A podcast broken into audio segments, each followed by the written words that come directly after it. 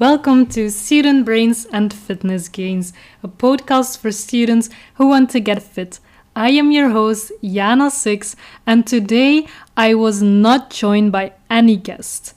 I had a hard time finding a guest this week, and I had exams before this episode, so it was hard for me to find a guest, and I decided to do a podcast on my own.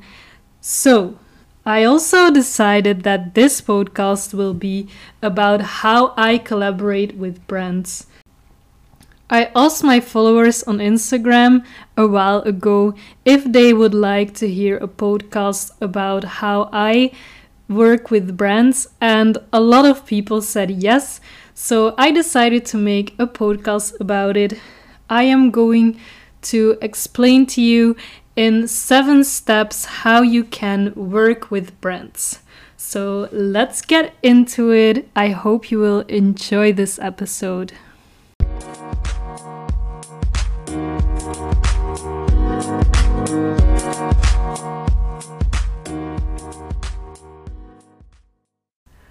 I know this podcast isn't what I usually do.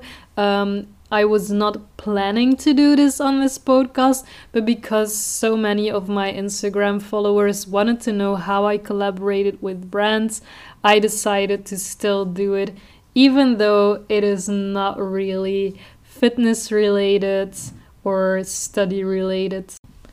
I noticed that some people who even have more followers than me don't really know how to collaborate and haven't had a good collaboration yet, which I think is a shame because it is not that hard to make a good a good collaboration. Personally, my favorite brand collaboration was with Fitbit because they are such a big brand, so I am really proud of that. And I really like Fitbit. I think their products are amazing. I bought a Fitbit so a few years back and now I got one for free which is really cool and then the second one I am most proud of, I would say, was Oppo Brothers. Um, they have healthy ice cream and it's really popular right now. So I am also really proud of that one. But of course, also the smaller brands like Booty Tools.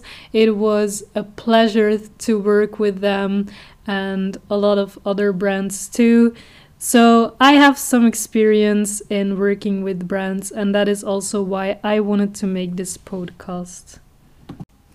So, the first thing that is very important if you want to work with brands is, of course, building a following. Without a following, there won't be any brands who want to work with you because, of course, brands want to have as much exposure as they can. So I would say most brands are not willing to work with you if you don't have at least a thousand followers, which I think is very normal because how do they even know if you are taking you know if you are putting a lot time into your content and into your profile if you don't even have a decent amount of followers. I know it is very hard to build a following. I've been there. It took me a long time to get 1000 followers, but if you look at it from the perspective of a brand, I think it is very important to have a following and of course that your following is engaged. So, my biggest tip to build a following is to engage with your followers, um, comment on other people's posts. Um, I think it's also very good that you have another platform um, next to Instagram, like a podcast, like I have, or a YouTube channel or a blog. I used to have a blog before I started this podcast. I still have it, by the way it's www.fitlife6.com and I still post on it, but I do more podcasts now, so the blog is a little bit less active. So, when you have built a following like a thousand followers at least, I would say, then I think you should start making a media kit. A media kit is like a CV But for your Instagram profile or other profiles, um, I think it is very important to say in your media kit who you are, who your followers are, like where are they from, uh, what is their age, what is your goal, how many followers do you have. Um, if you want to, I will show you my media kit. Um, I will link it in the description below so you can check my media kit out. Um, I made my media kit with canva.com. It is a very good website if you're not very good at graphic designing, but um, you want to make something nice. So if you can't work with Photoshop or other uh, programs, then I would very much recommend canva.com. This is not sponsored, by the way. I just think it is a very good website. If you have built a following and you made a media kit, it is time to send some emails. If you are a small influencer, I consider myself a small influencer by the way, then I would recommend to send emails to bigger brands. I know I have collaborated with Fitbit, but I will explain to you how I did that later because I didn't do it through email. The first thing you want to do when you write an email is telling a little bit about who you are and what you do. But don't go too far because brands are not really interested in your life. They just want to know what you do. So, for example, I would write mails and I would write, Hey, my name is Jana Six. I'm a 23 year old student from Belgium, and my goal is to help students get fit while still prioritizing school. After you propose yourself in the email, I think you should go to the website of the brand and you, you should check out what their goals are and what their mission is. Of course, your goals and mission need to be in line with theirs because otherwise, a collaboration won't be that beneficial to either of you. So, when you looked up what their goals are and what their mission is, you should tell something about it in the email, like, I know your mission is this, and I really stand behind it. Um, I think it is very important, and that is also why I want to collaborate. After you made clear that you really like their mission and their goals, you can propose how you want to collaborate. For example, you want to do a giveaway on Instagram, you want to make some stories, you want to make an Instagram post, you want to try their product. Um, it, it depends on you what you are what you are proposing and what not. You can also be a little bit more vague, like I want to collaborate and maybe make some Instagram posts. Um, you can also ask the brand what they think. Um, so it is very open. I don't think you need to be super strict here, but I think if you are being creative and you give them some good ideas, that can be very beneficial. At the end of your email, I would include your media kit and say to the brand you have included it. Um, I usually say something short too. For example, I have 3,000 followers on Instagram and I also have my own blog, fitlife6.com.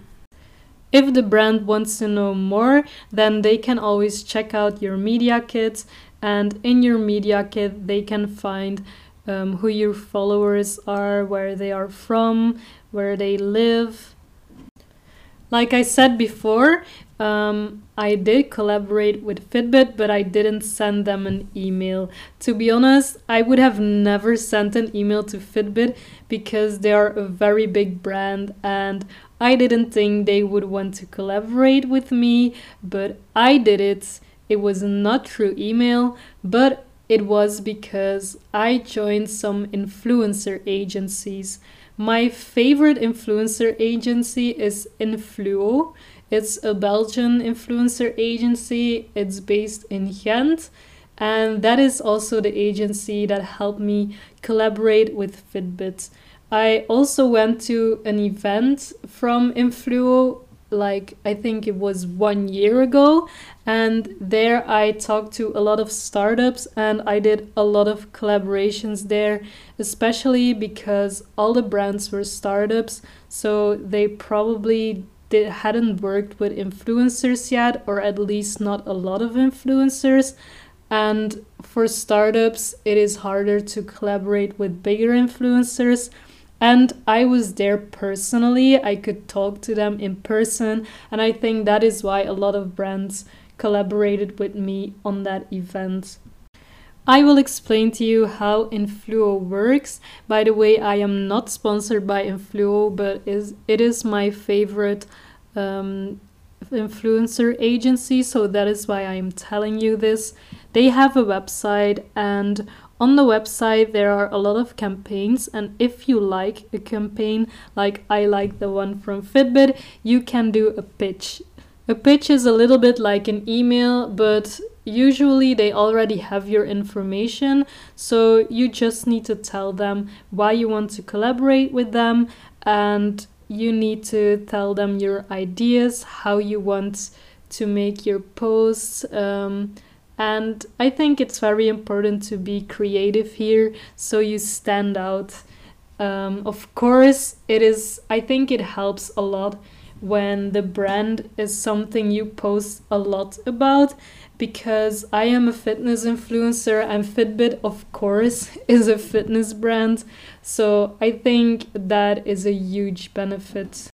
And by the way, I think it is always beneficial to collaborate with brands um, that are very close to your niche. So if you post a lot about fitness, it will be easier to collaborate with brands that are also making products for fitness. If you are finally going to collaborate with a brand, I think it's very important that you make good quality content. So if you post a picture with their product, then make sure it is good quality. Make sure you tell something about the product, what you like about it. It doesn't matter as long as the quality is good and you try to mix make something meaningful. I think making good quality content is always important, also when you're not working with a brand, because your followers will like it more. And when if a brand wants to collaborate and they see your profile, but they see that you have a lot of super blurry pictures and you don't post any interesting captions, your feed is all over the place. Um, I think it will be harder to collaborate um, the brand won't think your profile is attractive, which is very normal. Um, so, yeah, I would really, really make sure that your content is very good quality, at least most of the time. Something I see a lot are influencers, mostly the small ones, who are collaborating with brands but the collaboration is not really beneficial for them. They just want to be called an athlete, an ambassador. They want to be called sponsored. And I don't think that is why you should collaborate with brands. So, when a brand offers you something but you still need to pay something, for example, they say that you can get a top for free but you need to buy the leggings first, or you can get a special discount of 20% off, you still need to pay, so that's a no. Um, or they say something like, you first need to order something and then you will receive commission.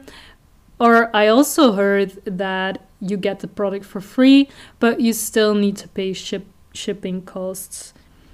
I don't think you should do any of these collaborations because the brands are not really taking you seriously. This this is my opinion. Um, I don't think you should pay for anything if a brand wants to collaborate with you Think about it like this. If you weren't collaborating with this brand, then would you buy the things they are telling you to buy? If the answer is no, I wouldn't do it. Um, also, if they are working with commission, they already got something from you, you already pay them for a product um, before they even do anything back. And if you don't sell anything, so you don't make any commission, you still pay the brand and it is very beneficial for the brand, don't get me wrong, but I don't think it's beneficial at all for you. The last tip I want to give you is don't work with brands you don't believe in. You will have to promote these brands, and if you don't believe in them, I think that's not really fair. Um, First of all, you get something for free, and yes, that is cool, but you still need to tell your followers that you like this brand when you don't, and I don't think that is very good for the trust of your followers. They won't trust you if you promote products you don't really like, and believe me, they will find out in the end. So don't do things you think you will regret just because you get a free product. It could also be that you really like the product, but you don't think your followers are interested in the product. Um, to be honest, I find it very hard to say no to products I really like, but sometimes it is better to say no because your followers won't benefit from it. And I think you should always keep your followers in mind. They brought you where you are today. Um, they made sure that you can collaborate with brands because brands only want to collaborate if you have followers. So always keep your followers in mind. I asked my followers on Instagram if they had any specific questions about collaborations, and one question I got was how I set my prices. To be honest, I have never received money yet. That is probably because I am a small influencer and also because so far I have only do- done reviews. So if a brand would ask me to promote a product, um, I would ask for money. I don't think it's fair to ask for money if you're just doing a review because that review can be bad and it is also not fair for your followers because if you get paid then you will probably not write a bad review because why else would the brand pay you? Um, so for reviews i would never ask money but if the brand wants you to promote the product, by the way, I don't think you should promote any product that you don't like um, because it's not a review. So um, you should like the product if you want to promote it, especially because you want your followers to trust you.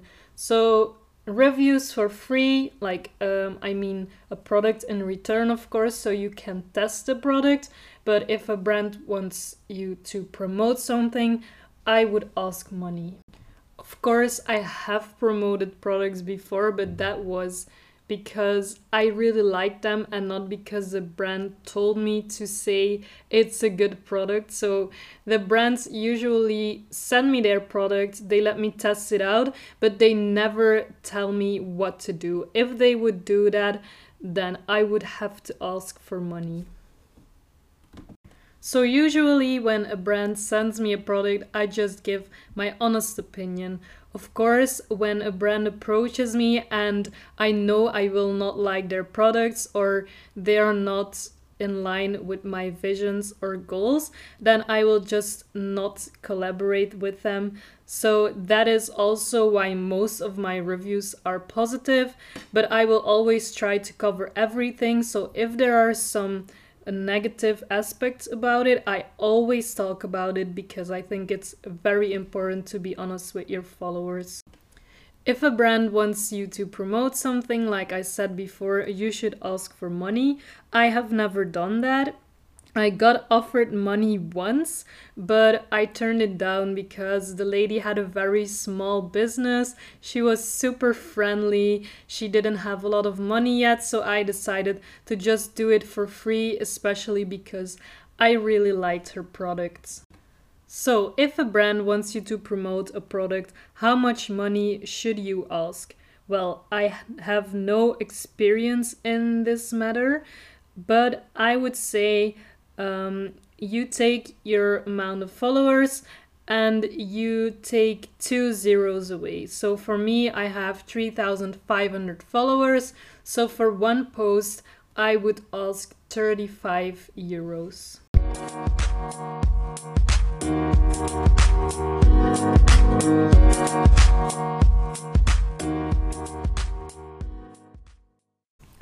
That was everything for today. I really hope you liked this episode, even though it was a little bit different.